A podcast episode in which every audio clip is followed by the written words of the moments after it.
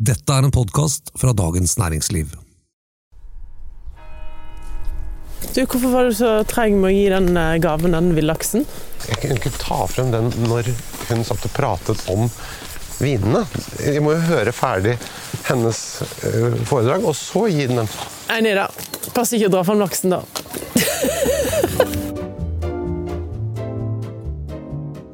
Hei, kjære lytter, og hjertelig velkommen til denne ukens podkast av Jeg kan ingenting om vin. Donna Merete. Åh, det har kommet snø i natt, jo. Det er helt fantastisk. Nå blir eh, vinprodusentene veldig glad. Du, hvorfor er det bedre med snø enn regn? De bruker ofte sånn dryppvanning. Ja. Dette er jo da naturlig dryppvanning. Nemlig. Ja, Fordi Hvis det regner, så skylder en del av det bare å renne bort. ikke sant? Mm, absolutt.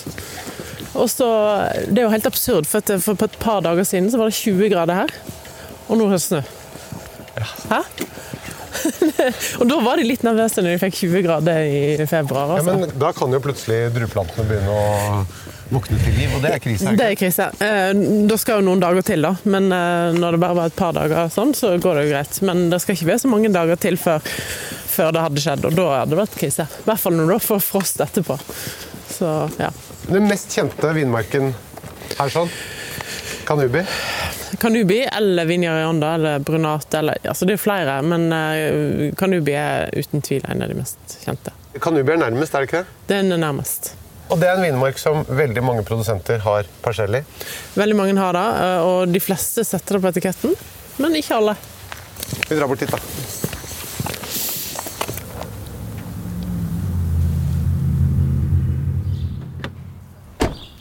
Nå står vi her i Kanubi, en av de mest kjente vinmarkene. Ja. Men Barolo-appellasjonen består av hvor mange byer? Elleve landsbyer. Hvor selve Barolo er en av dem. Ja. Så vi står jo og ser bort på Barolo by nå. Vi står faktisk og ser bort på slottet til Marquesi Marchese di Barolo. Så vi kan, eh, det er der opprinnelsen til Barolo skjedde. Barolo har egentlig en ganske kort historie. Det skjedde ikke på 1830-40-tallet. At da en fransk frøken gifta seg med mm, markien av Marquesi di Barolo. Hun likte egentlig aldri vinene herifra, fordi at eh, de var søte og bleike og tanninrike og uinteressante. Så når han døde, så fikk hun viljen sin og tok med seg noen eh, franske vinmakere til Barolo, som da lagde den første tørre Baroloen. Barolo fikk jo liksom renommé. Eh, Ble berømt utenfor Piemontes grense. Jeg måtte komme til 1960-1970-tallet før at eh, Barolo virkelig tok av. Fordi at eh, da var det noen unge, rebelske arvtakere av berømte vingårder i Piemonte som skjønte at vi tjener jo ikke penger på dette her vi driver med. Vi lager vin, eh, og vi lager fantastisk vin, men ingen vet om det, og ingen skjønner vinene. For de var jo syrerike og tanninrike, som du sier. ikke sant? Eh, Så da reiste de til Frankrike, for da så en at det her tjente de penger. Og hva gjorde de annerledes i Frankrike? Jo, de hadde små eikefat, barrikk, i stedet for disse store, gamle, tradisjonsrike Botti-fatene her, som hadde, var, inneholdt mange tusen liter og ikke ga noe smak til vinen. Så de konkluderte med at eh, hvis vi klarer å få litt sånn søtere frukt på, på Nebbioloen, ikke så mye tanniner, altså ikke så mye eh, maserasjonstid sammen med drueskallet, og putte de på små barrikk, så blir dette nøkkelen til suksess. Og de hadde jo for så vidt rett. Fordi at dette gjorde at eh, amerikanske vinjournalister særlig så til Piemonte og til Barolo og ga høye score på disse vinene her. Dette er det som da blir omtalt som modernistretningen. Stemmer det. Og det var Angelo Gaia som egentlig da holder til i naboappellasjonen Mm, Barbaresco. Mm. Og eh, Elio Altare og Ja, ja. altså De var en liten Mm. gjeng. Og dette har vi vært innom før. Dette splittet jo området. Mm. Altså de som sverget til eh, modernistisk produksjon, og de som var da tradisjonalister. Mm. Det var jo uvennskap i familier og altså helt ja, det var far og sønn som aldri snakket sammen, og det var låste kjellerdører. og ja. Ofte de tra mest tradisjonelle de blander sammen alle de beste vinmarkene og lager én Barolo. ja, Det er det vi i denne sammenheng snakker om da som klassisk Barolo. Ja. Kan ikke du forklare det? Alle har moderert seg litt. ikke sant? Eh, De har blitt venner igjen, stort sett alle, så vidt jeg vet. Eh, De fleste har gått tilbake igjen til de store bottiene, eh, selv om de var hardnakka modernister for et par tiår siden. Det er noen som bruker litt fransk eikefat ennå. Ja, men det er stort sett på Barberaen f.eks., eller, eller de blander det sammen med Ja, Nebbiolo, som både har vært på små fat og store fat, og de blander det sammen og sånn. Så det er ikke så veldig mange som bruker 100% barrikk på sine Nebbiolo lenger. Ever catch yourself eating the same flavorless dinner three days in a row? Dreaming of something better? Well, HelloFresh is your guilt-free dream come true, baby. It's me, Kiki Palmer. Let's wake up those taste buds with hot, juicy pecan-crusted chicken or garlic butter shrimp scampi. Mm. Hello Fresh. Stop dreaming of all the delicious possibilities and dig in at HelloFresh.com. Let's get this dinner party started.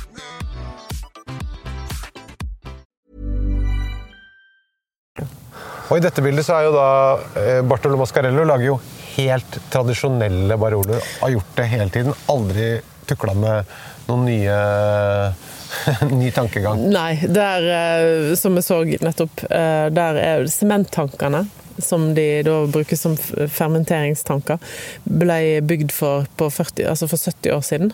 Eh, og de er fortsatt de samme i dag. Helt urørte. Og, og vinen da på, på store eh, eikefat, riktignok, men flere tusen liter. Og, Ja, hvor det og ikke, gamle. Ja, og nettopp, så det gir ikke noe eikepreg i det hele tatt. Eh, og, stort sett da eik fra altså slavonsk eik eller østerriksk. Mm. eh, eik. Og en helt annen type fat. De er mye tykkere Mm. eh, og mye mer kompakte, vil jeg anta. da. Så, så det, det er vel noe av det som gjør at det ikke blir eikesmak, i tillegg til at de er gamle. ja. Men så er det også en annen historisk metode som Maria Teresa Mascarello eh, praktiserer. Mm. nemlig å blande viner fra ulike vinmarker, som gir klassisk Barolo. Ja, så hun har jo eh, Nebbiolo eh, i fire-fem forskjellige vinmarker i Barolo-området her, som hun blander sammen til én Barolo. Og mange produsenter her har jo også der vært inspirert av franskmennene, nemlig å prøve å liksom lage egne kruer eller egne vinmarksnavn og sette det på etiketten. Men den klassiske metoden her i området er jo at man blander fra ulike vinmarker, fordi det blir ulik modning. Noen, den vinmarken gir mer syre det ene året, mindre tannin, høyere alkohol osv. Og, så og så får du en blend, og så får du et slags eh, Du sikrer deg litt mot at eh, hvis, hvis du bare har én vinmark, og den blir ikke vellykket, så har du ikke en god vin. Nei. Men det som er jo da interessant også er at de har jo ofte får oppnå veldig mye høyere priser på sine enkeltvinmarksviner enn de gjør på en vanlig Barolo-blend. Så det er jo en god forretningsidé òg. Det er jo ikke bare ideologi her.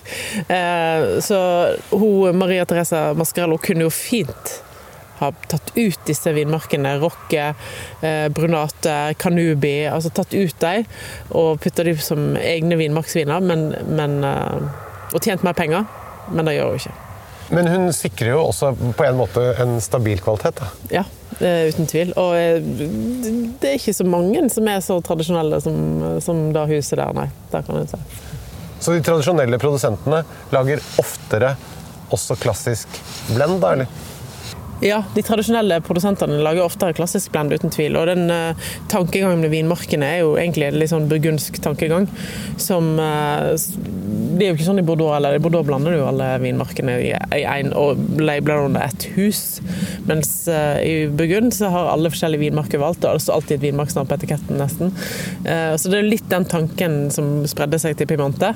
Vi er jo forholdsvis nærme Frankrike, ikke sant? så det er ganske naturlig for de å se den retningen. Og, og de følte vel òg at det her har vi kvaliteten, og vi har masse forskjellige vinmarker som allerede er med navn. Hvorfor ikke putte det på etiketten? Og som har ulikt jordsmonn eksempel, og Ja. ulik eksponering osv. Som Ja, ja. er det som danner grunnlaget for eh, unikt terroir. Da. Mm.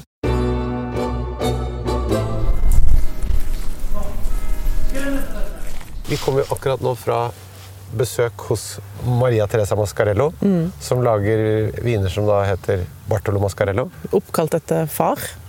De vinene hennes, når hun selger dem, så er det jo en helt uh... Er helt fin pris på dem. Det er ikke noe stress, da. Men det er jo blitt dessverre helt umulig å få tak i.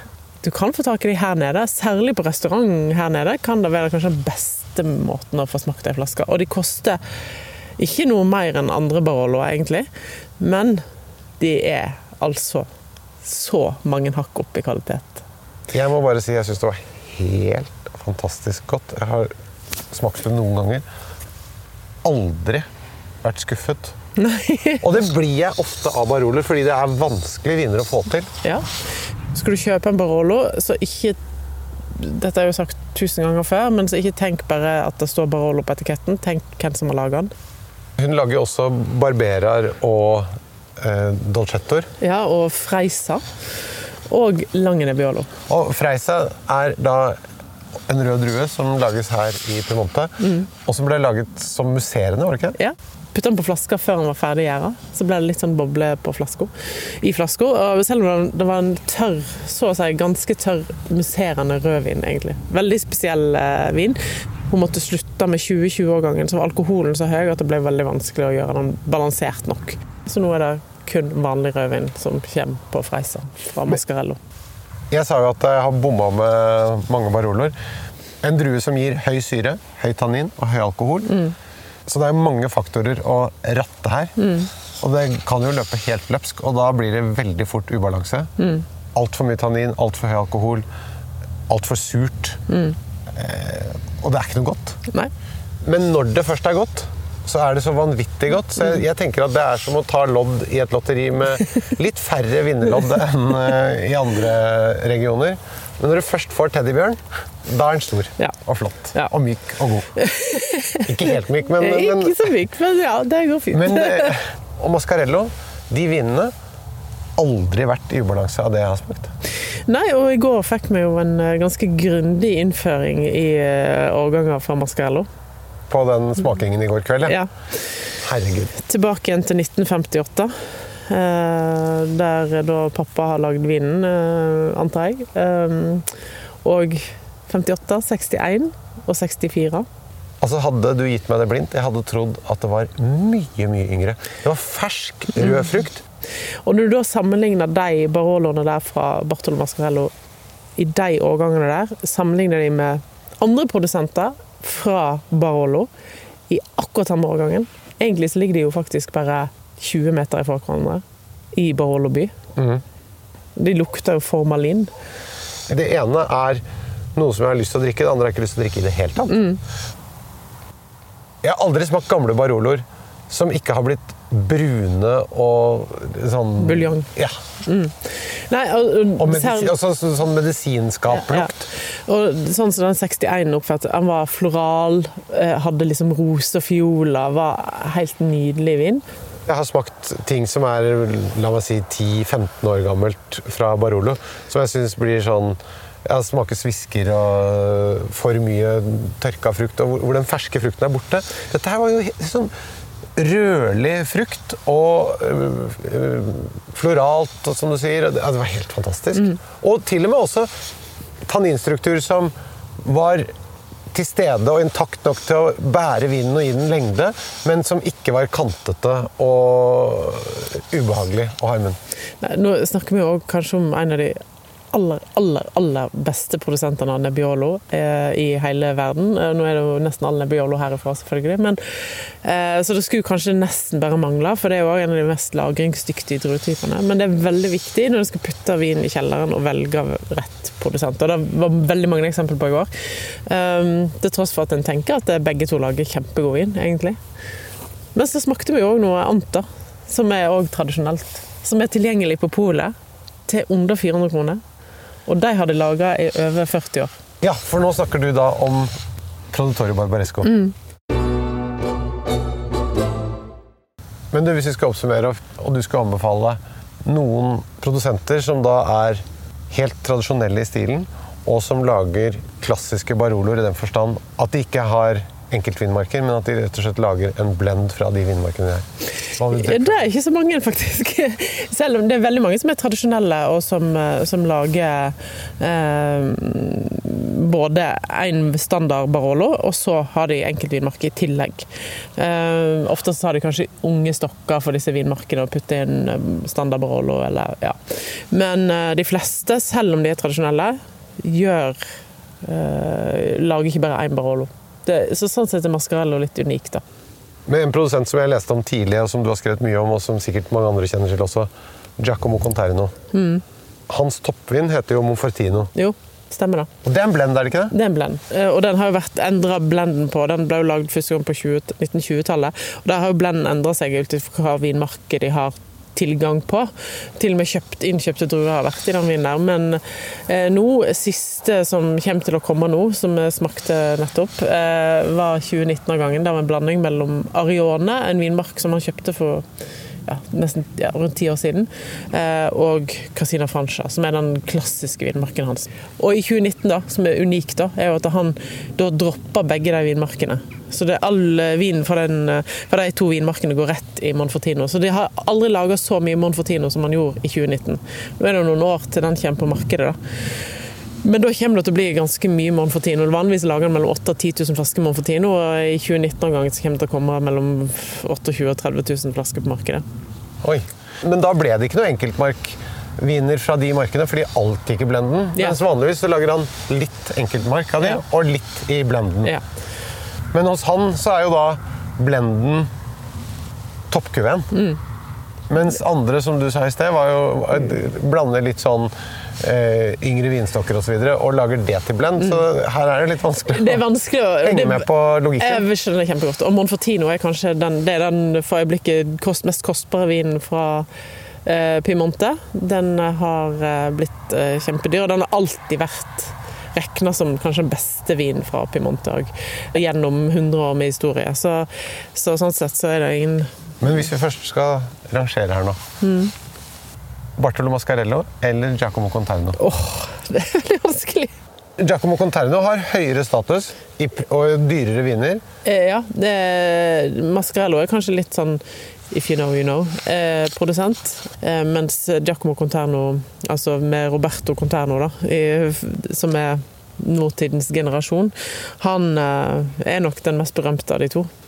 Personlig må jeg bare si, når jeg smaker litt av vinene Jeg syns det er imponerende, fantastisk, men mer maskuline viner han lager. Men jeg syns jo hennes viner er enda mer tiltalende for min del. da. Ja, jeg er jo litt enig i det. Altså, jeg, jeg digger Conterno, uten tvil, men det er kraftigere viner. Det er mer, eh, det er mer maskulint enn det er Jeg liker egentlig ikke å kalle viner maskuline og feminine, men her er et veldig godt eksempel. For Mascarello er litt mer delikat enn eh, Conterno, uten tvil. Det som er forskjellen på det òg, er jo at eh, han lager litt mer vin. Han lager 80 000 flasker i året, hun lager 30. Um, de 80 000 flaskene er det òg stort sett alltid tilgjengelig på polet blitt, fordi at de er gått såpass mye opp i pris at de har prisa seg ut av et segment og inn i et nytt som ikke nødvendigvis springer ut dørene for å kjøpe dem. Så det er i hvert fall tilgang på det. Det er jo fantastiske viner, og viner som er referanseviner, må man vel kunne si. Å ja. Ryan Reynolds here from Mint Mobile. With the price of just about everything going up during inflation, we thought we'd bring our prices down. So to help us, we brought in a reverse auctioneer, which is apparently a thing. Mint Mobile unlimited premium wireless. Ready to get 30, 30, bit to get 30, bit to get 20, 20, 20, bit to get 20, 20, bit to get 15, 15, 15, 15 just 15 bucks a month. So, Give it a try at mintmobile.com slash switch. $45 upfront for three months plus taxes and fees. Promo rate for new customers for limited time. Unlimited more than 40 gigabytes per month. Slows. Full terms at mintmobile.com. Hey, it's Ryan Reynolds, and I'm here with Keith, co-star of my upcoming film, If, only in theaters May 17th. Do you want to tell people the big news? All right, I'll do it. Sign up now and you'll get unlimited for $15 a month in six months of Paramount Plus Essential Plan on us. Mintmobile.com slash switch. Upfront payment of $45 equivalent to $15 per month. Unlimited over 40 gigabytes per month. Face lower speeds. Videos at 480p. Active Mint customers by 531.24 get six months of Paramount Plus Essential Plan. Auto renews after six months. Offer ends May 31st, 2024. Separate Paramount Plus registration required. Terms and conditions apply if rated PG. Hiring for your small business? If you're not looking for professionals on LinkedIn, you're looking in the wrong place. That's like looking for your car keys in a fish tank. LinkedIn helps you hire professionals you can't find anywhere else, even those who aren't actively searching for a new job but might be open to the perfect role. In a given month, over 70% of LinkedIn users don't even visit other leading job sites. So start looking in the right place. With LinkedIn, you can hire professionals like a professional. Post your free job on linkedin.com/people slash people today. Men det er også noe med hans prosjekt virker så innmari sånn ambisiøst og hva skal vi si for noe, Det er litt storslått, mens hun er jo så mye mer nedpå. Du merker det jo veldig når du er på besøk hos dem. De har et sånt lite bibliotek i kjelleren Hos, eh, eh, hos hos Mascarello. ja. eh, der det sto sånn på piemontesisk dialekt 'ikke ta på flaskene'. La du merke til det? Ja, for det det, sto, ja, det sto på fransk og engelsk. ja, ja, ja. Men den piemontesiske dialekten var først og fremst til Derfor det sto med veldig veldig store bokstaver. Ja. Det var først og fremst til bestemor, eller til mor hennes, da. Som gikk ned i kjelleren for å finne vin til å lage mat. Så det er litt kostbar kokkevin. sausevin fra 1964. Ja, det, litt, det kan være litt uh, en dyr hobby å ha. Mm. Ok, men Hvis man har lyst til å kjøpe seg noe klassisk Barolo, hvor er det du syns det er best valg? Som er tilgjengelig på polet, så er jeg veldig glad i Giovanni Rosso. Eh, med David Rosso eh, sin eh, Barolo fra Serra Lunga. som koster rundt 400 kroner på polet. Faktisk i basissortiment av alle ting. Strålende produsent. En vin jeg ofte legger i kjelleren. Så det er en, absolutt en anbefaling. Det samme er da Albe, en Barolo som er laga av Veira. Som også koster omtrent det samme, rett under 400 kroner. Den har jeg smakt. Mm. Det syns jeg var skikkelig godt. Kjempegodt. Eh, og eh, så må jeg jo innom Produttore i Barbaresco i Barbaresco. Som vi også smakte. Smakte tilbake til 1982 i går. Jeg har vært så heldig å smake tilbake til 71. På deres standard Barbaresco, som er da en blanding av druer for mange produsenter som leverer til dette kooperativet, som kanskje er det beste kooperativet i verden. Og vi smakte òg 92, eh, som ikke er en særlig bra årgang. Ganske sånn regnfull, kjølig årgang. Og da kjente vi jo veldig stor forskjell på om vi smakte 82 og 92. Så var 92 ganske vandig og ferdig for lenge siden, mens 82 smakte helt vidunderlig. Det må jeg bare si, jeg syns det var så rart. Fordi den er da ti år eldre og virker 30 år yngre. Mm. Ja, uten tvil. Og, og dette er òg en vin som er tilgjengelig på polet, i polet sin hylle, som koster rundt 400 kroner, og som du kan putte i kjelleren eh, og ha stor glede av om kanskje 30-40 år. Jeg må bare si at etter den smakingen der, hvor vi smakte så mye gamle viner, så fikk jeg korrigert inntrykket mitt kraftig. Jo, men, Det er bra. ja, men jeg har alltid tenkt at gamle Nebbioloer, som jeg har hørt snakk om at det skal være fantastisk, og jeg har alltid tenkt nei, fordi jeg har smakt en del av dem som har vært gående etter ti år og sånn, og jeg synes det liksom begynner å bli brunt i frukten, og at det smaker sånn svisker og rosiner og nesten ikke noe fersk frukt igjen. Men etter i går jeg må si jeg er blitt en ydmyk eh, å drikke. Så neste gang sier du, den kan du kjøpe og drikke om eh, 40 år. Så skal jeg høre på det. Ja. For, og disse vinene vi smakte i går, det var jo kjøpt, så det var jo sønnen til han som har kjøpt de, som åpna de. Ikke sant? Så, så det, en må tenke generasjoner her. Og som du også sier, dette er viner som er tilgjengelige på polet nå, så Produttori Barbaresco er fantastisk. Og det er jo da et av de få velfungerende kooperativene, er det ikke? Veldig. Så dette er jo et vineri som da eies av Bøndene, altså vinbøndene ja. Det er det samme som eh, Samvirkelaget. ja, eller Tine melk i Norge, er det ikke det? Ja, jo. Og Coop, Ja. som er eid av medlemmene. Men det er kanskje litt vanskelig å svare på. Men hvis jeg kjøper en vin med mål om at den skal være god å drikke om 40 år, hvor stor sjanse er det for at jeg treffer riktig da? Hvis jeg f.eks. kjøper en, en Predatori Barbaresco eller en, eh, en Giovanni Rosso. Du bør velge rett årgang. Nå er jo de begge to utsolgt for 2016-årgangen. Den var veldig lenge tilgjengelig. Eh, 2016 var et fantastisk år, som eh, jeg har selv har putta i kjelleren. Eh, mens velger du en sånn 2018-årgang som er litt varm og litt tidlig moden årgang, så er, vil den kanskje ikke ligge i 40 år. Men, mens en 2016 ville ha gjort det. Så Men en 18 er, er vel en årgang som man kan drikke ganske fort, da? Ja. Og som er god da? Ja, så absolutt. Så må, jeg må liksom tenke litt på årganger her òg.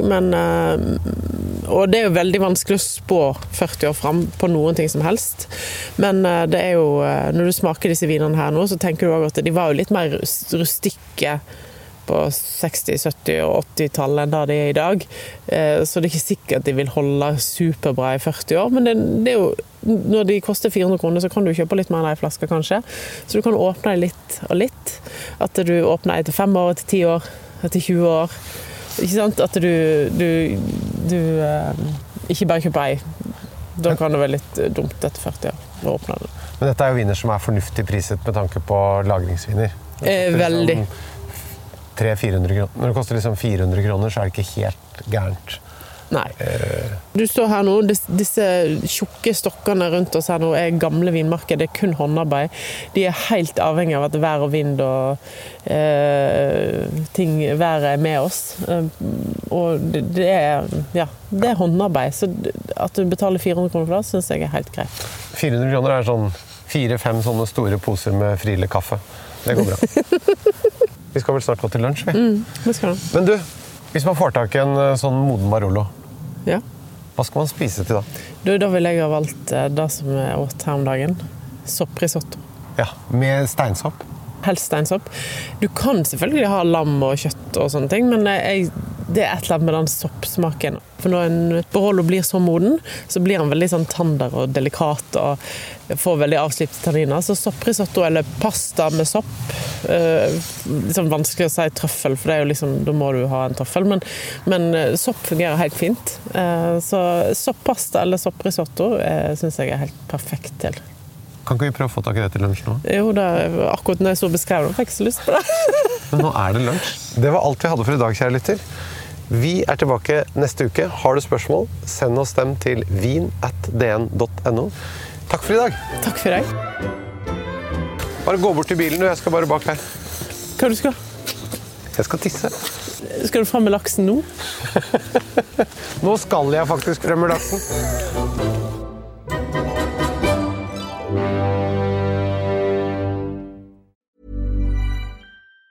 Even on a budget, quality is non-negotiable. That's why Quince is the place to score high-end essentials at 50 to 80% less than similar brands. Get your hands on buttery soft cashmere sweaters from just 60 bucks, Italian leather jackets, and so much more. And the best part about Quince, they exclusively partner with factories committed to safe, ethical, and responsible manufacturing. Elevate your style without the elevated price tag with Quince. Go to quince.com slash upgrade for free shipping and 365-day returns. Ever catch yourself eating the same flavorless dinner three days in a row? Dreaming of something better? Well, HelloFresh is your guilt-free dream come true, baby. It's me, Kiki Palmer. Let's wake up those taste buds with hot, juicy pecan-crusted chicken or garlic butter shrimp scampi. Mm. Hello Fresh. Stop dreaming of all the delicious possibilities and dig in at HelloFresh.com. Let's get this dinner party started.